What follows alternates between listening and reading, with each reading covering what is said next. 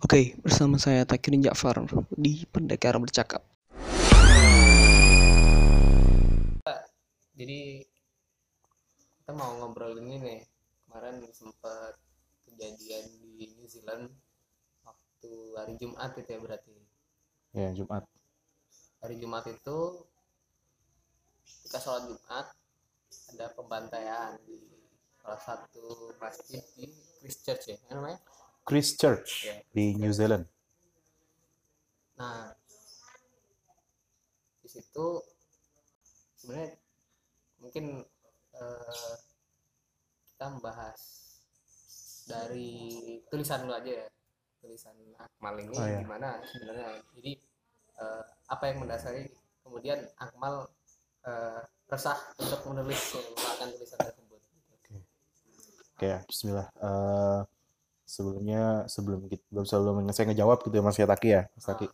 Jadi sebelum saya ngejawab pertanyaan dari Mas Taki seputar apa sih keresahan saya, kenapa nulis dan bisa sampai viral, sampai likersnya berapa? Kalau ngeliat 8000 ya? wah paham Sampai 8000 likers gitu ya, sampai 8000 liker, Oh, itu di share ke mana-mana, follower saya nambah, eh enggak ada yang bercanda gitu ya.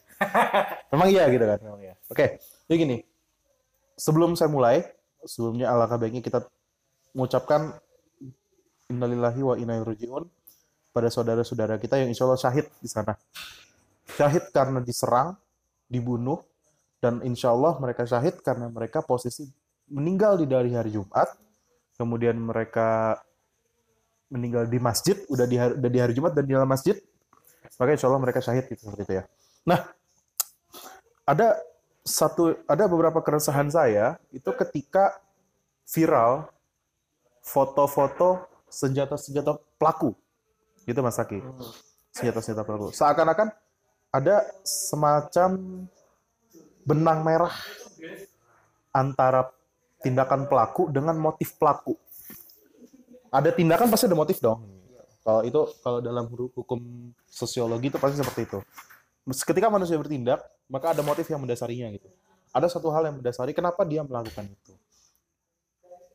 Dan yang menyedihkan yang dilakukan oleh pelaku itu justru melakukan pembantaian.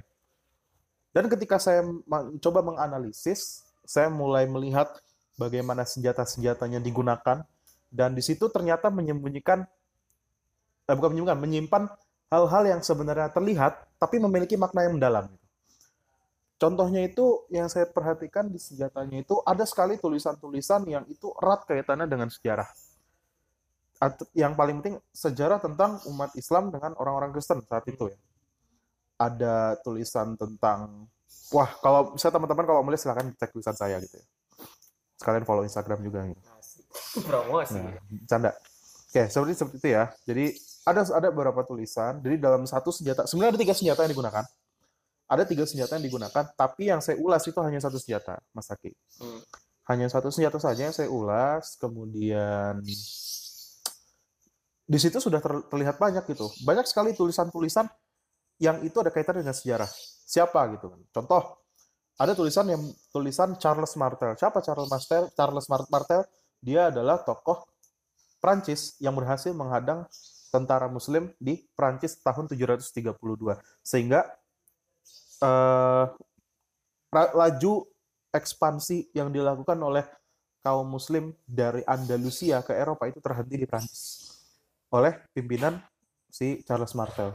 Dan kem- dan pada saat itu tokoh Islam yang di apa namanya yang di yang memimpin saat itu namanya Abdurrahman Agofiki beliau akhirnya syahid di medan juang dan wilayah tempat pertempuran itu the Battle of Tours namanya oleh dalam sejarah Islam dalam tradisi Islam disebut Balat Asyuhada medannya para syuhada seperti itu Mas Taki. Dan eh, kemudian saya coba ulas itu terus terang itu membuat saya resah. Kenapa kok si pelaku ini menuliskan hal-hal yang berbau-bau dengan sejarah gitu? Kenapa kok ketika eh, sudah ditangkap yang tertulis itu adalah peristiwa sejarah, tokoh-tokoh sejarah yang itu erat kaitannya dengan konfrontasi antara umat Islam dengan orang umat Kristen. Kita langsung kita langsung ini aja ya, langsung buka-bukaan aja. Itu terus terang peristiwa yang saya lihat itu yang saya lihat itu adalah peristiwa antara umat Islam dan umat Kristen. Saya bukan menyebarkan kebencian seperti yang dikritik oleh orang gitu, tapi saya membuktikan fakta sejarah seperti itu. Oke, nah itu Bos Hersah terus terang ketika saya dapat malam dapat informasi seperti itu, terus terang saya nggak bisa tidur, sampai nggak bisa tidur Mas Aki, saya nggak bisa tidur, saya kepikiran bener-bener ini punya makna mendalam gitu. Akhirnya saya coba perlahan-lahan ulas. Saya itu per- itu Jumat malam itu berarti ya? Jumat malam, Jumat Jumat malam. malam saya benar-benar nggak bisa tidur. Tidur itu sampai sekitar jam 2 jam jam 1 jam 2 lah. Padahal itu posisi saya baru pulang, baru pulang muncak tuh ya. oh iya habis puncak ya Habis muncak gitu, habis naik gunung capek, naik motor jauh gitu ya.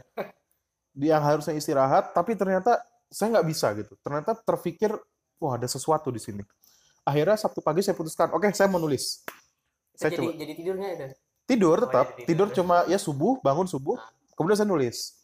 Kemudian saya tulis, saya mulai buka-buka lagi buku saya, saya mulai buka-buka lagi artikel, saya buka lagi jurnal yang saya punya. Saya punya jurnal ya, banyak jurnal tentang sejarah Islam gitu ya di laptop.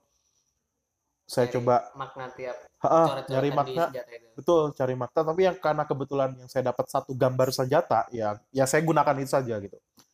Akhirnya saya tulis, benar-benar saya tulis, saya cari mulai dari tokoh-tokoh ini siapa, ini siapa. Ada Charles Martel, ada tokoh ini, ada tahunnya sekian, dan ini semua adalah peristiwa sejarah yang berkaitan dengan konfrontasi umat Islam dengan umat Kristen. Terlebih tokoh-tokoh yang ditulis oleh si pelaku ini adalah tokoh-tokoh Kristen Eropa yang berhasil mengalahkan orang-orang Muslim, orang-orang Turki terutama. Kemudian peristiwanya, peristiwa pertempurannya, ya pertempuran yang dimenangkan oleh mereka gitu. Kemudian saya akhirnya membuat kesimpulan, si pelaku ini adalah eh, pelaku ini adalah orang yang bukan orang yang bodoh. Pertama itu, historical insight-nya kuat. Apa pengetahuannya sejarah, pengetahuannya akan sejarah itu kuat sekali gitu. Namun disalahgunakan untuk kepentingan orang-orang kaumnya saja gitu. Hanya untuk kepentingan kaumnya saja. Ya dengan kata lain dia melakukan itu karena sesuai dengan ideologinya dia gitu. Ideologinya dia adalah sayap kanan, kelompok fasis, supremasi kulit putih, Oh, iya. anti imigran, anti muslim juga, Islamofobia. Nah, seperti itu. Makanya itulah yang mendasari saya akhirnya mencoba menulis dan saya coba tulis ke salah satu sahabat saya ya, sahabat saya namanya Mas Edgar, Edgar Hamas. Kebetulan yang bersangkutan ini punya adalah pemilik akun dari Ed Generasi Salahuddin. Gen Saladin, gen.saladin di Instagram. Saya coba Wah, 8.000 like. Iya, 8.000 likers ya. Wah, itu prestasi sebenarnya. Itu saya coba dan ternyata sambutannya positif gitu ya. Dan alhamdulillah sambutan positif dan Oke. Eh, mungkin dikit mengulas. Jadi tadi dibilang eh, mengulas satu senjata dari tiga senjata. Berarti ada kemungkinan dua senjata lainnya itu juga ada catatan coret-coretan Sama. semuanya sama. Jadi gini, pertama kali kenapa saya pengen mengulas itu saya ngeliat di Facebook ya. Saya masih main Facebook, saya masih jadul lah. gitu. saya masih main Nah, Facebook. apa jadi Facebook yang pakai Facebook nggak sebenarnya? Iya, masih saya masih pakai Facebook dan kebetulan saya itu berteman dengan salah satu pegiat sejarah Islam. Namanya itu Pak Agung Waspodo. Agung Waspodo. Di postingannya, di postingan beliau, peneliti ya? peneliti juga, peneliti juga, penik peminat sejarah juga, terutama beliau fokus di sejarah Islam gitu ya. Beliau fokus di sejarah Islam dan alhamdulillah ketika saya coba nanya, ternyata beliau itu eh, juga mengulas hal serupa, namun dua senjata lain. Eh sorry, satu senjata lain kayak gitu. Dan ternyata setelah saya baca itu banyak orang yang ikut mengulas seperti itu. Akhirnya dan karena itu ulasan di Facebook gitu ya, fe- Facebook dan sasarannya lebih bersifat umum, saya mencoba membuatnya juga, tapi bersifat lebih ke anak muda gitu. Karena anak muda perlu tahu, apalagi generasi muda muslim itu perlu tahu bahwa begini loh, ini loh motif dari si pelaku kalau dia ngebikin apa namanya, dia ngebikin tulisan di senjatanya. Jadi kayak gitu, Mas Taki. Seperti itu ya kalau masalah. Ya saya sebenarnya pengen ngulas juga dua senjata yang lain, tapi karena sudah banyak yang mengulas, ya nggak apa-apa sih sebenarnya nanti saya bisa ngulas sendiri gitu saya bisa ngulas lagi cuma saya masih butuh waktu dan butuh mencerna lagi karena tidak semudah itu ya me- tidak semudah itu Ferguson gitu tidak semudah itulah meng- mengulas hal-hal yang tersembunyi. Saya bukan mengatakan ini konspirasi, bukan, tapi memang pesan yang pesan yang ingin disampaikan si pelaku adalah itu. dan memang sengaja kayaknya ya menunjukkan senjatanya ada coretan itu Sengaja.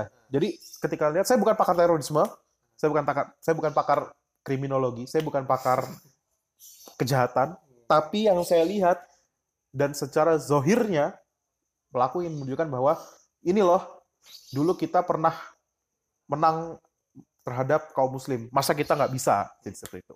Kasarnya seperti itulah kira-kira. Jadi saya motifnya satu dia anti migran kedua dia memang kelompok Islamofobia dan kelompok eh, dia juga bagian dari kelompok supremasi kulit putih. Dan itu sudah sejak lama ada. Itu mas Wagi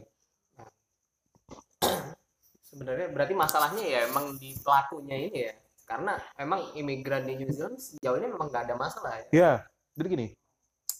Saya kemarin baca data ada dua negara yang ramah terhadap imigran. Pertama adalah yang saya lupa pokoknya urutannya pokoknya di antara negara-negara yang ramah terhadap im- imigran ada dua itu negara yaitu Kanada dan New Zealand. Hmm. Kanada dan New Zealand. Dua negara ini memiliki track record yang ramah, track record yang baik karena dia ramah terhadap imigran. Imigran Muslim, imigran dari mana, dari mana, dari mana. Mereka mereka terbukti ramah seperti itu. Makanya jarang sekali kita temukan aksi-aksi penyerangan terhadap kelompok kulit hitam, kelompok Muslim, kelompok imigran dari Timur Tengah.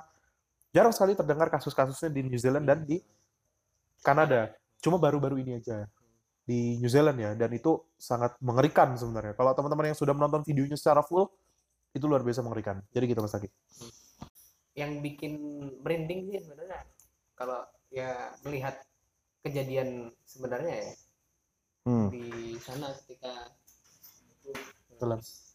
ketika pembantaian itu ketika sholat Jumat itu kan waduh bagi yang umat muslim harusnya merasa iri sih ketika jadi seorang apa orang yang syahid ketika sedang sholat ya, di hari Jumat wah gila itu rasanya saya belum lihat video fullnya sih tapi katanya Mau lihat nggak Mas? Eh, belum sih Nggak berani, nggak berani ya? belum Iya, berani. belum berani ya, nggak apa-apa.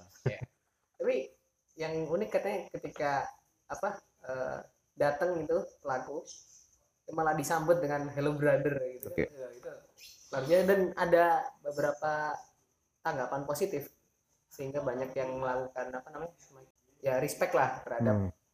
eh, siapa namanya orang Daud Nabi. Daud, nah, Daud Nabi namanya. Nah, itu. ketika menyambut si pelaku ini siapa namanya Eh, Brenton Taron. nah Brenton Tarrant Hmm. ketika melakukan itu malah disambut Oke. gilanya Islam itu di situ ya ternyata Iya. Jadi ketika monjong senjata sudah di depan mata, namun senyuman harus tetap tersampaikan. Gitu kan. Karena akar kata Islam itu kan dari kata salam, itu selamat. Hmm. Selamat, is- semoga dari lisan maupun tangan itu bisa membawa keselamatan buat dunia. Makanya kenapa ketika si Brenton Tarrant, si pelaku ini datang ke masjid, sudah jelas-jelas bawa senjata api, dua buah senjata malah dua buah senjata sudah diarahkan ke jamaah masjid masih disambut dengan ramah. Karena Islam itu pengen keselamatan.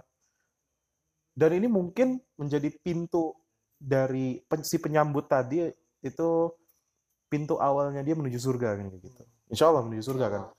Hari Jumat di masjid dan dia bersikap ramah bahkan terhadap orang yang yang ingin yang berniat membunuhnya kan kayak gitu.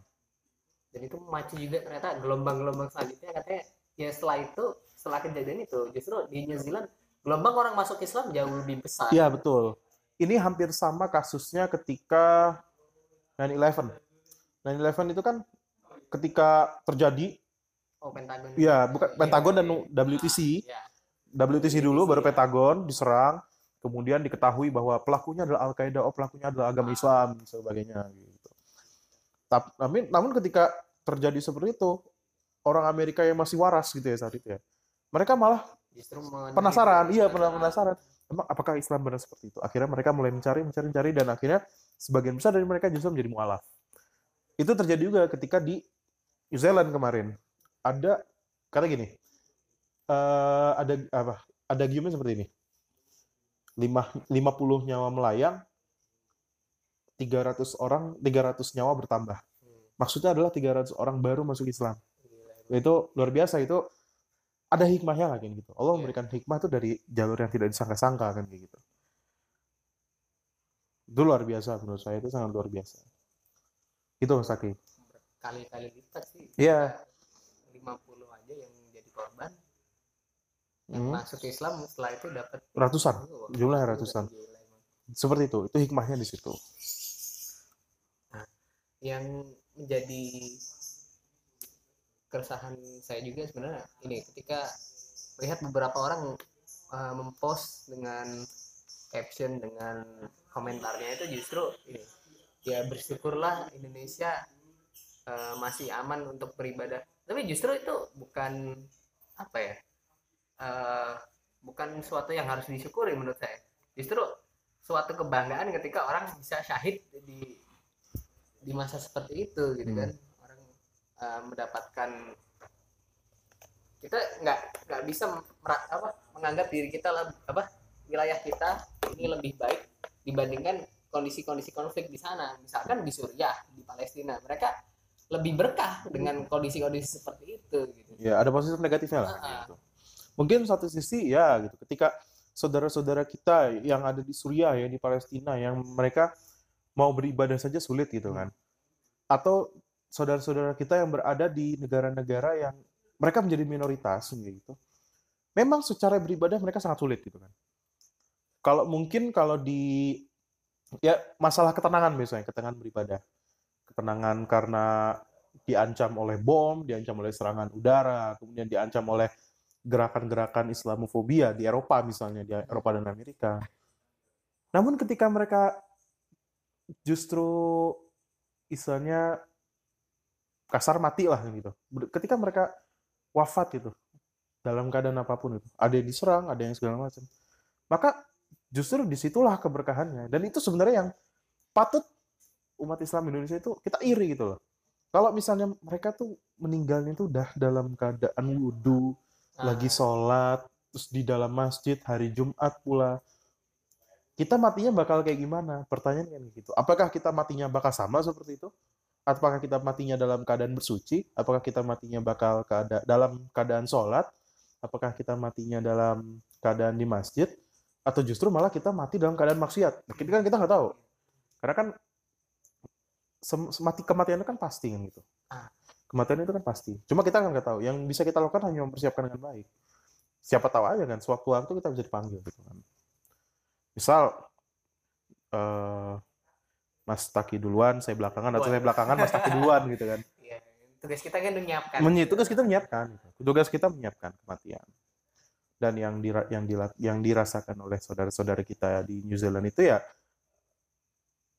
mereka mempersiapkan dengan baik dan mati dengan baik pula insya Allah gitu. Meskipun dengan cara yang menurut saya itu sangat bertentangan dengan nalar dan hati nurani manusia gitu.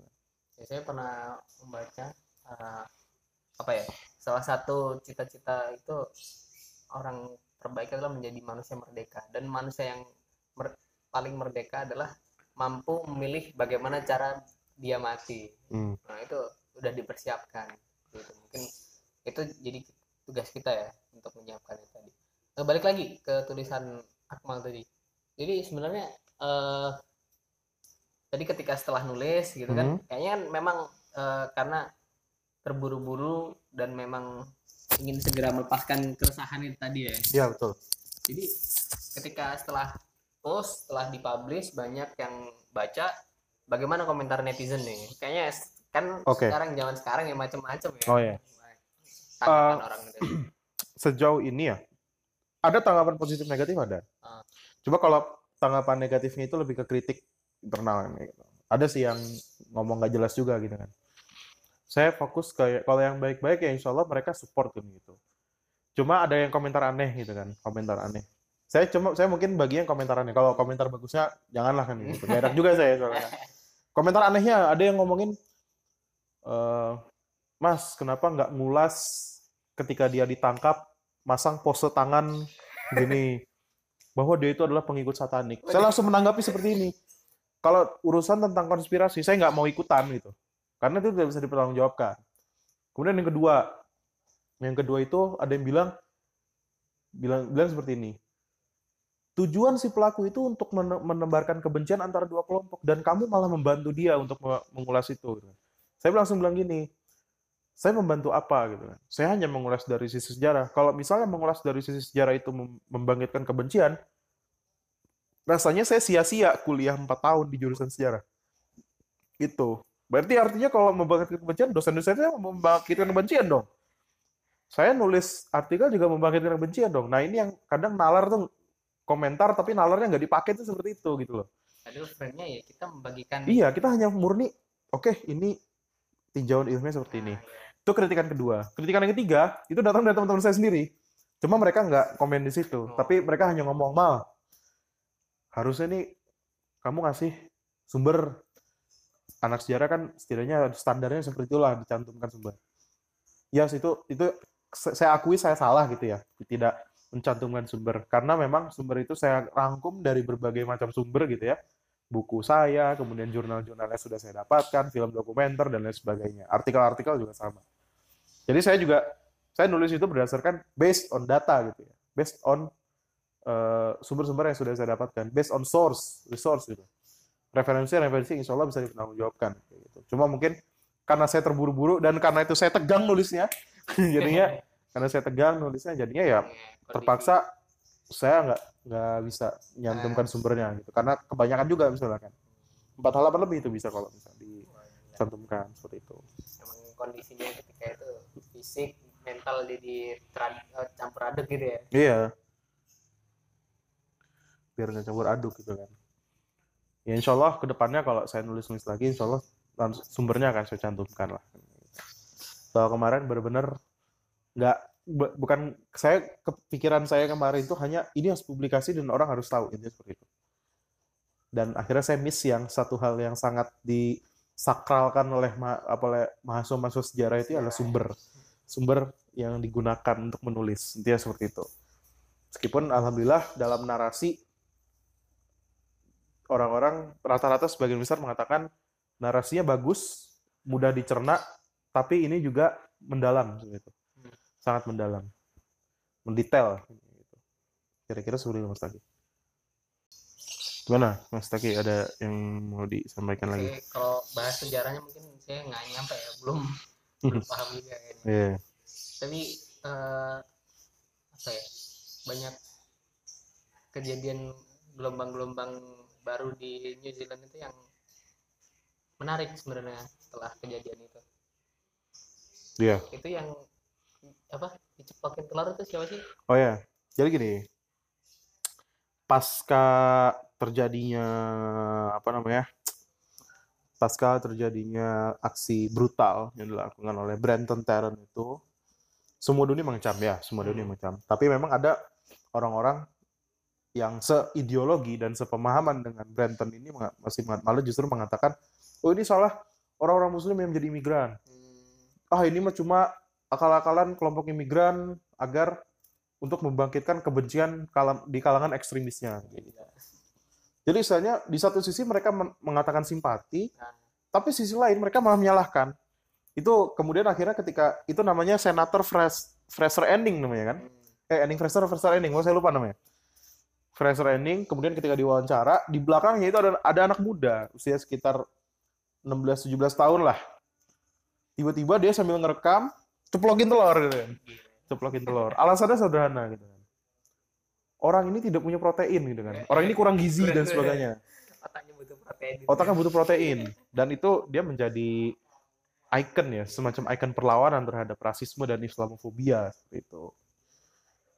Jadi kurang lebih seperti itu Mas Taki. Itu dan justru ketika si Fraser Ending itu mengatakan itu, banyak kecaman juga justru. Kecaman salah satunya seperti ini. Loh, bangsa Australia, negara Australia yang sekarang, aslinya itu bangsa apa? Aborigin kan kayak gitu. hmm, ya. Mereka juga sebenarnya imigran, tapi mereka nggak mengakui itu. Nah, sebenarnya seperti itu. Sebenarnya memang Australia orang-orang Australia mengatakan, oh itu salah imigran, salah imigran. Lah sendirinya itu imigran, sendirinya imigran. Orang aslinya itu siapa? Orang aslinya adalah orang aborigin. Sama halnya di Amerika. Donald Trump waktu itu ngomong, wah menolak imigran, menolak imigran dan lain sebagainya. mereka sendiri Padahal mereka sendiri juga imigran. Suku asli Amerika apa? Bangsa Indian Iya. kan? Dan suka gitu. Nah, yang menarik ya ini ya udah bahas ini. Ha.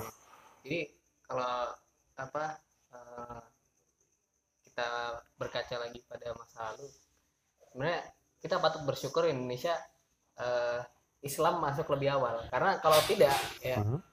kita selaku pribumi di eh, Indonesia ini mungkin tidak ada lagi seperti halnya eh, itu tadi di Australia di Amerika yang kaum pribuminya udah hilang gitu kan Iya. Eh, ada Indian ada Aborigin udah dari total populasi justru sangat sedikit mereka itu kan Iya, betul. karena ya Islam mengha- hadir bukan untuk eh, apa ya namanya ya bukan untuk menghapuskan satu generasi itu tapi bagaimana Islam hadir di situ namun penduduk aslinya tetap terjaga gitu Iya, kan. betul. itu juga yang jadi aneh ketika alasan imigran muslim malah eh, jadi sumber masalah gitu Ya, seperti itu ya. Kalau masalah tadi ya. kemarin publishnya di mana aja Saya cuma publish di blog Hmm. pertama, saya publish di blog karena saya punya blog dan rasanya mendingan dimanfaatkan gitu ya. Akhirnya saya pakai blog, kemudian teman-teman banyak yang baca, dan akhirnya ada saya kasih ke teman saya tuh yang dia memang pemilik dari akun Gen Saladin gitu ya. oh iya gitu. Ah, saya kirim, Mas ini saya kirim ini foto ini, ini saya gitu tulisan saya. Kira dia minta izin, Mal boleh nggak ini di diposting di Gensa begini begini. Oh ya mau silakan buat disebarluaskan juga nggak apa-apa gitu. Toh saya juga nulis sebenarnya biar orang baca kan kayak gitu. Hmm. Dan ternyata oh reaksinya seperti itu. Alhamdulillah gitu ya. Banyak yang tercerahkan. Dan yang paling penting follower saya nambah mas. Nah, berapa Nah, nih Nambah 100 lebih loh Masya. dari 1100 berapa gitu jadi sekarang 1320 1330 lah kurang lebih padahal pembacanya ribuan Eh, iya wah tuh aku saya nggak saya nggak habis pikir pokoknya insya Allah ya insya Allah yang paling penting adalah saya bisa membagikan pemikiran-pemikiran saya untuk orang lain. Sebenarnya ini hanya dibangun dari keresahan saya dan alhamdulillah tanggapan positif yang negatif juga ada ada ya. ya ya ada lah gitu kan pasti ada Ada. gitu ya ya. pasti tetap ada biar misalnya biar seimbang juga biar saya nggak dapat pujian terus gitu ada ada- tapi ada komentar-komentar blow on gitu nggak sih nanyanya yang udah ada di tulisan itu mesti ada ya Ya pasti ada. Kalau itu pasti ada lah. Itu pasti ada. Tapi ya saya kalau kayak gitu paling cuma monggo Mas dibaca lagi. Jadi saya gitu aja. Terus saya pernah gitu kan, saya komen. Eh enggak, waktu itu ada yang ada yang komen kan, ada yang nanya. Ada yang komen, kemudian saya jawab. Saya jawab. Saya ditanya balik. Itu yang menarik ya. Saya ditanya balik loh. Masnya admin ya? Jangan sok tahu loh. Padahal saya yang nulis. Gak apa-apa, itu kan dia jadi dia belum tahu posisinya jadi kan saya kan dia nanya tuh di komen di kolom komentar kan setiap kolom komentar IG itu kan ada reply ya kan saya reply saya jawab oh begini mbak begini begini begini terus tiba-tiba saya dibalas lagi loh masnya emang admin jangan so tahu mas. Wah. Dia nggak lihat siapa yang Iya. tulis ya untungnya admin gensanya langsung nyamber. Mohon maaf mbak. Mas Akmal Asari itu yang nulis tulisannya. Wah udah dia dia kaget itu kan. Akhirnya akhirnya oke nggak apa-apa saya nggak nggak masalah gitu kan. Toh dia nggak tahu kan. Di Tumblr juga ya katanya? Nggak, di Tumblr nggak. Kalau di Tumblr, Tumblr saya jarang nulis panjang-panjang sih. Kalau di Tumblr itu Oh. lebih sering ya tulisan-tulisan singkat, quotes, kayak gitu. Dan sebagainya. Tapi kalau tulisan-tulisan panjang, saya lebih sering masang di blog. tapi Di ya blog. begitu apa eh, keuntungannya di channel-channel lainnya jadi rame juga ya Iya, alhamdulillahnya gitu. FB nambah FB nambah pertemanan juga, tapi nggak sebanyak follower Instagram lah. Instagram ya Karena mungkin orang sudah mulai meninggalkan itu ya, ya pembaca eh, pembaca sudah mulai fokus ke Instagram atau ke ya platform lain lah kan kayak gitu. Sebenarnya tuh ada hal yang sebenarnya bisa diulas lagi dari kasus kemarin. gimana Jadi kemarin itu tuh ada kalau misalnya teman-teman gitu ya, teman-teman Mestaki dan teman-teman yang lain itu ngedenger eh, apa nonton video aslinya yang 10 menitan lebih. Di bagian awal itu si pelaku ketika menuju ke masjid tersebut kan dia naik mobil. Dia naik mobil. Nah, di mobil itu dia menyetel lagu-lagu. Dan ternyata lagu-lagunya itu syarat makna. Nanti saya akan coba ngulas deh. Soalnya saya tapi masih belum masih belum menemukan titik terangnya seperti apa. lagu-lagu perang juga ada ya Nah, lagu-lagu perang, lagu-lagu perang, kemudian lagu-lagu yang bernafaskan fasisme, lagu-lagu yang bernuansa bernuansa istilahnya ethnic ethnic ethnic cleansing lah. Pembersihan etnis dan ini artinya apa? Si pelaku ini bukan orang yang bodoh. Dia memiliki keyakinan terhadap sejarah bangsanya sendiri. Nah, ini sebenarnya jadi PR. Kalau misalnya orang-orang seperti mereka aja mau belajar sejarah, bahkan menggunakan untuk hal kekejian, kenapa kita tidak mau belajar sejarah gitu? Kenapa kita nggak mau belajar sejarah, sejarah untuk hal-hal kebaikan? Malah kita ikut-ikutan dan terbawa arus mereka kan kayak gitu. Kalau kalau mereka menggunakan sejarah untuk kekejian, kita gunakan sejarah untuk kebangkitan seperti itu Mas Taki. Kayak gitu masalah tulisan kemarin. Itu quotes juga dari tulisan saya yang seperti itu. siap Dan itu di di di copy paste oleh banyak orang quotes saya yang itu. Saya nggak nggak nggak nyangka juga gitu. ya. Nah, itu yang pentingnya berarti belajar Hmm. sejarah Iya betul, sangat penting sekali. Makanya saya kenapa masuk jurusan sejarah mas. siap Seperti itu. Tapi kan siap. nggak- itu kata-kata yang viral tapi nggak nggak jelas gitu ya Iya, nggak apa-apa. siap Ini biar nggak tegang sini kan. siap siap Ya. Tapi kan tidak menutup ini ya berarti ya kita yang belajar di mana pun eh, tetap harus mempelajari sejarah juga gitu. Iya benar. Karena saya pernah baca tulisan seperti ini. Ilmu yang paling disukai para pemimpin itu adalah sejarah, bahasa, dan geografi. Hmm. Kenapa sejarah duluan?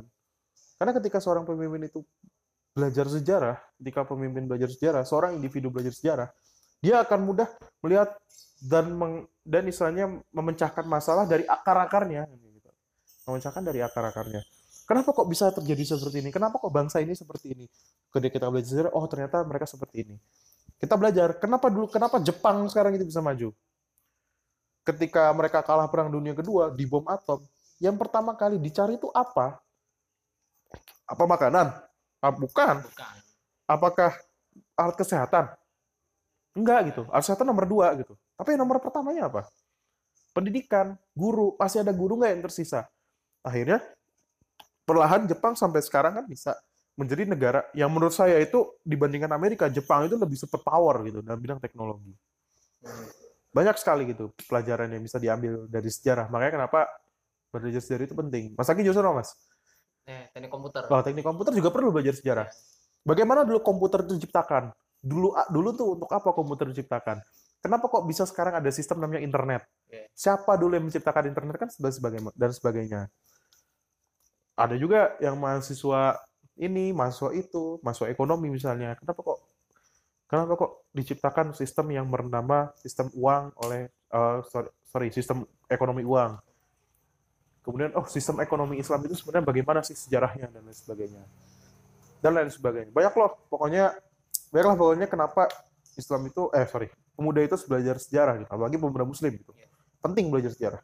Jadi nggak boleh sembarangan gitu kan. Belajar sejarah dari sumbernya, kemudian belajar dari sumbernya dan dan usahakan sumbernya kredibel, ya, valid dan kredibel. Insya Allah bisa lah kayak, kayak gitu tuh. jadi kejadian apa pun ketika memang dicari lagi sejarahnya ternyata emang ada ininya ya. Iya. ternyata mungkin cukup dulu untuk eh, Oke. sesi kali ini ya Ya, insya Allah.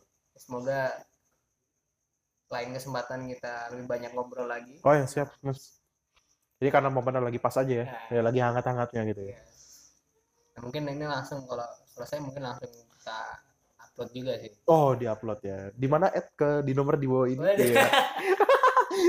ya, Ya. nanti cek aja di podcast namanya pendekar bercakap Oh, pendekar bercakap. Oke, siap. Ah, siap. Ya gitu aja ya. ya Oke. closingnya gimana ya? Oh ya closingnya. Closingnya ya pokoknya kayak tetap ya, tetap pesan saya buat teman-teman yang masih muda, yang masih belajar, apalagi muda muslim, jangan lupa belajar sejarah. Karena sejarah itu penting. Kalau kata Mas Edgar, itu yang pem- yang pemilik Gen Saladin itu adalah history is saya lupa lagi apa kata-katanya. Gitu ya. Jadi ada quotes yang benar-benar saya ini ya yang saya ambil dari Mas Edgar itu selaku pemilik Gen Saladin itu adalah quotes seperti ini. History is the art of harmonizing insight. Ya, jadi sejarah itu adalah seni untuk mengharmonisasikan antara ilmu pengetahuan.